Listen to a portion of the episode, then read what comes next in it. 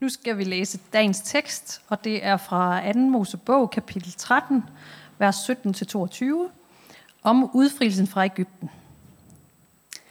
Dengang Farao lod lod folket gå, førte Gud dem ikke af vejen til filistrenes land, skønt det var den korteste.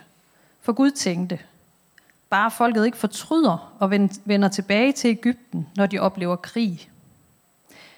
Derfor førte Gud dem af en omvej gennem ørkenen til Sivhavet. I række og geled drog israelitterne op fra Ægypten. Moses tog Josefs ben med sig, for Josef havde taget israelitterne i ed og sagt, når Gud tager sig af jer, skal I bringe mine ben med jer op herfra. Så brød de op fra Sukkot, og de slog lejr i Etam på grænsen til ørkenen. Herren gik foran dem, om dagen i en skysøjle for at føre dem på vejen, om natten i en ildsøjle for at lyse for dem, så de kunne gå både dag og nat. Skysøjlen fjernede sig ikke fra folket om dagen, og ildsøjlen ikke om natten.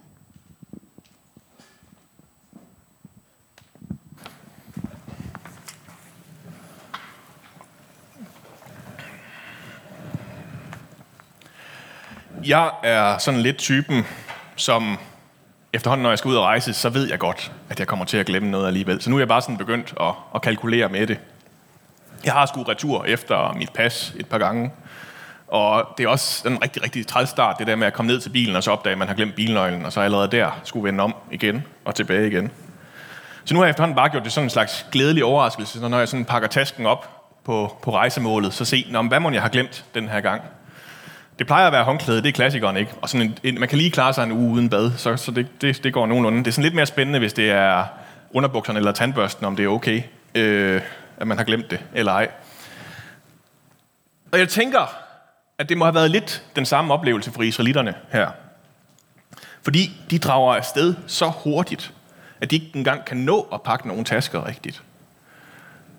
De, øh, ja, og de skal endda aldrig nogensinde tilbage. De får ikke chancen for at hente noget en anden gang igen. Og den sparsomme tid, de har, den får de øvrigt besked på at bruge på først at få plyndret nogle øh, Ægyptere, så tage nogle smykker med fra dem, og så skal de også lige nå at bage noget ugæret brød, og så skal de ellers afsted. Så nu er de altså draget afsted, men øh, uden, uden særlig mange ting, uden sådan helt at have, have pakket tøj til flere dage, og så med masser af diamanter selvfølgelig også. Øh, og nu er vi ligesom i gang. Og allerede her, det sådan første skridt, det første valg på rejsen, så sætter Gud ind. Der er nemlig to veje, man kan gå. Man kan gå af den korte vej til filistrenes land, eller man kan gå af den lange, lange omvej ud igennem ørkenen og ud igennem sådan noget usikkert land. Og Gud fører dem, som der sådan står, øh, mærkeligt nok, ikke af den direkte vej, men af den voldsomme omvej, fordi Gud, og nu citerer jeg ham øh, jo bare her fra teksten, bare folket ikke fortryder og vender tilbage til Ægypten, når de oplever krig.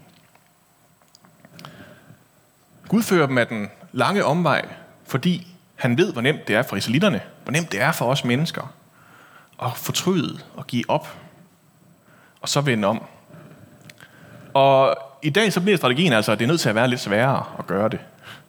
Han er nødt til at føre dem af den lange vej, af omvejen, så de ikke bare kan give op alt for nemt.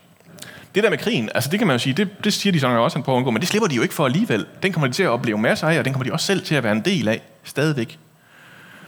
Øh, men de skal simpelthen af den lange omvej.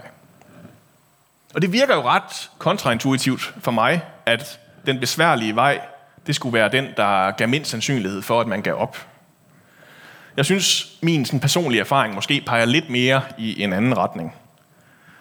Jeg, jeg, jeg har efterhånden også en lidt princip om, nu har jeg mange principper i dag, kan jeg se, øh, at hvis jeg ikke kan lære noget i første hug, så er det lidt lige meget. Så gider jeg ikke. Og det er derfor, der aldrig kommer en stor guitarist eller en stor kok ud af mig. Det var simpelthen krævet mere end en, en, et forsøg at lære det. Og det samme kan man sige om israelitterne, som vi skal høre om, om din, over de næste par uger og næste par søndage, så går det gang, galt gang på gang.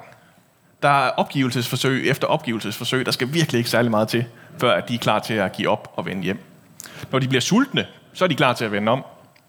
Når Moses han er væk nogle dage, så er de klar til at give op og vende om. Når fjenderne de har større vindruer end dem, så er de også klar til at give op og vende om. Altså barn er ret lav for, hvad der konstituerer en given op her. Og alligevel, så sender Gud dem ud på den besværligst mulige vej. Det kræver jo ikke nogen speciel høj intelligens at regne ud, at de her israelitter, de nok ikke bliver særligt tilfredse ude i den her ørken, når de finder ud af, at der er lidt langt imellem mad og vand.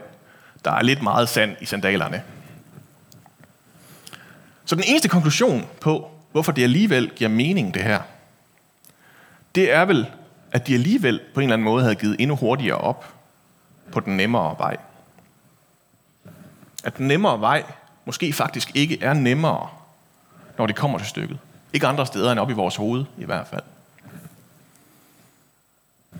Jeg synes, sådan rundt omkring, så kan jeg godt sådan, sådan finde de der indiger på, at den der nemme vej, jeg forestiller mig op i mit hoved, den har jeg egentlig ikke lyst til, når det kommer til stykket. For eksempel når jeg ser rengørings- eller tandpasta, tandpasta-reklamer, så, så, så når det kommer det der, og alting bare bliver skinnende hvidt i samme øjeblik, man har brugt det der produkt, altså, så, så er der bare sådan noget, der, der strider i mig, og så vil jeg ikke være med mere, vel?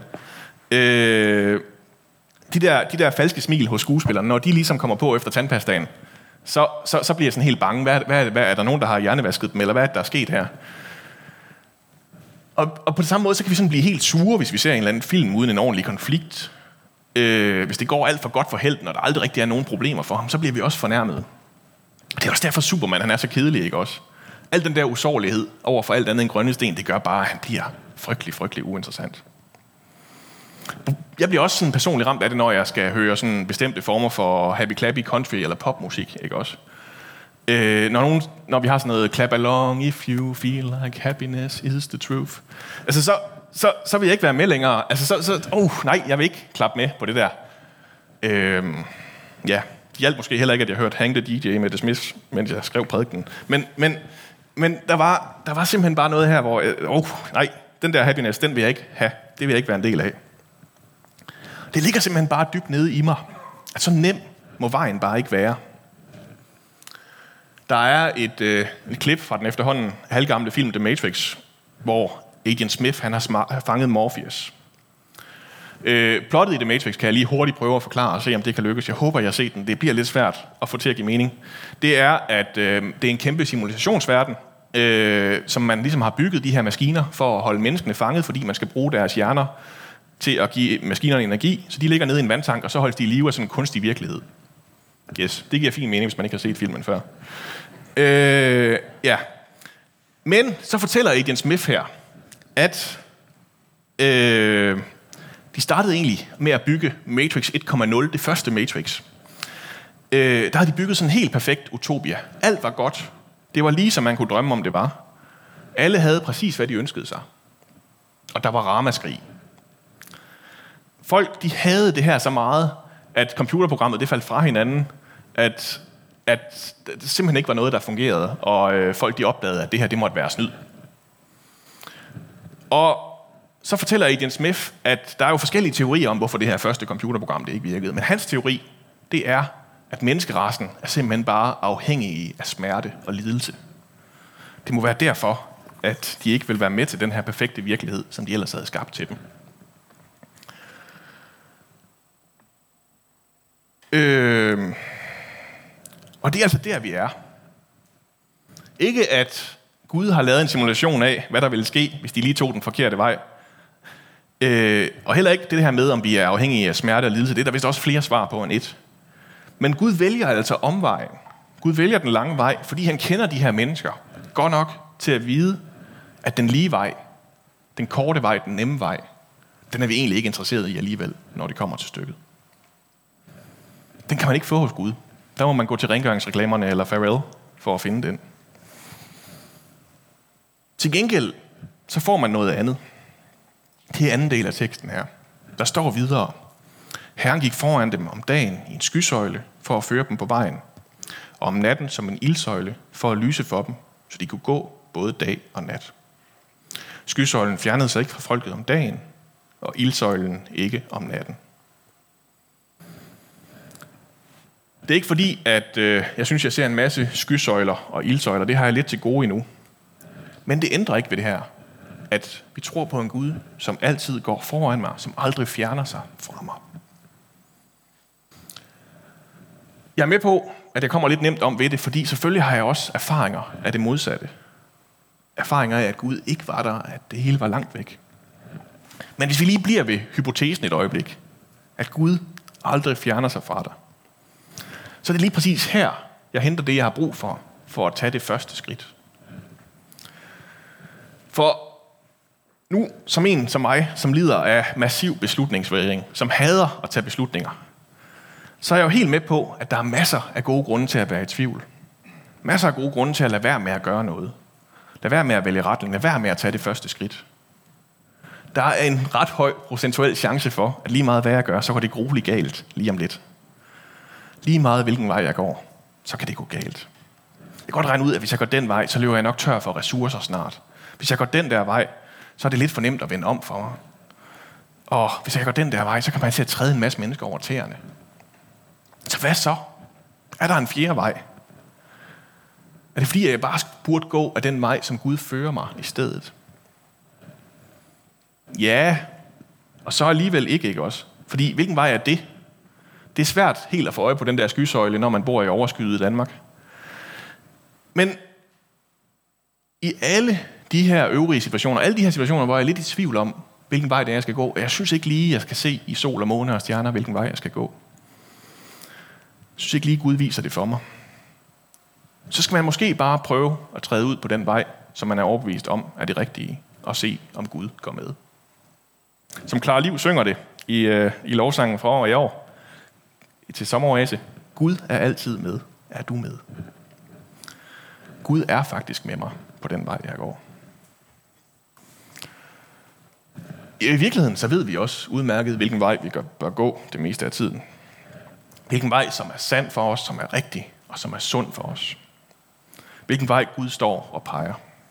Det er ikke det, der er problemet. Det problemet er at få løftet benene og faktisk begive sig ud på den. Begive sig væk fra de dårlige vaner og de negative mønstre og ligegyldige passivitet, som man bliver ramt af hele tiden. Og hvad for nogle slavefoder, som vi ellers er så vant til at tjene, vi slet ikke kan forestille os andet end det.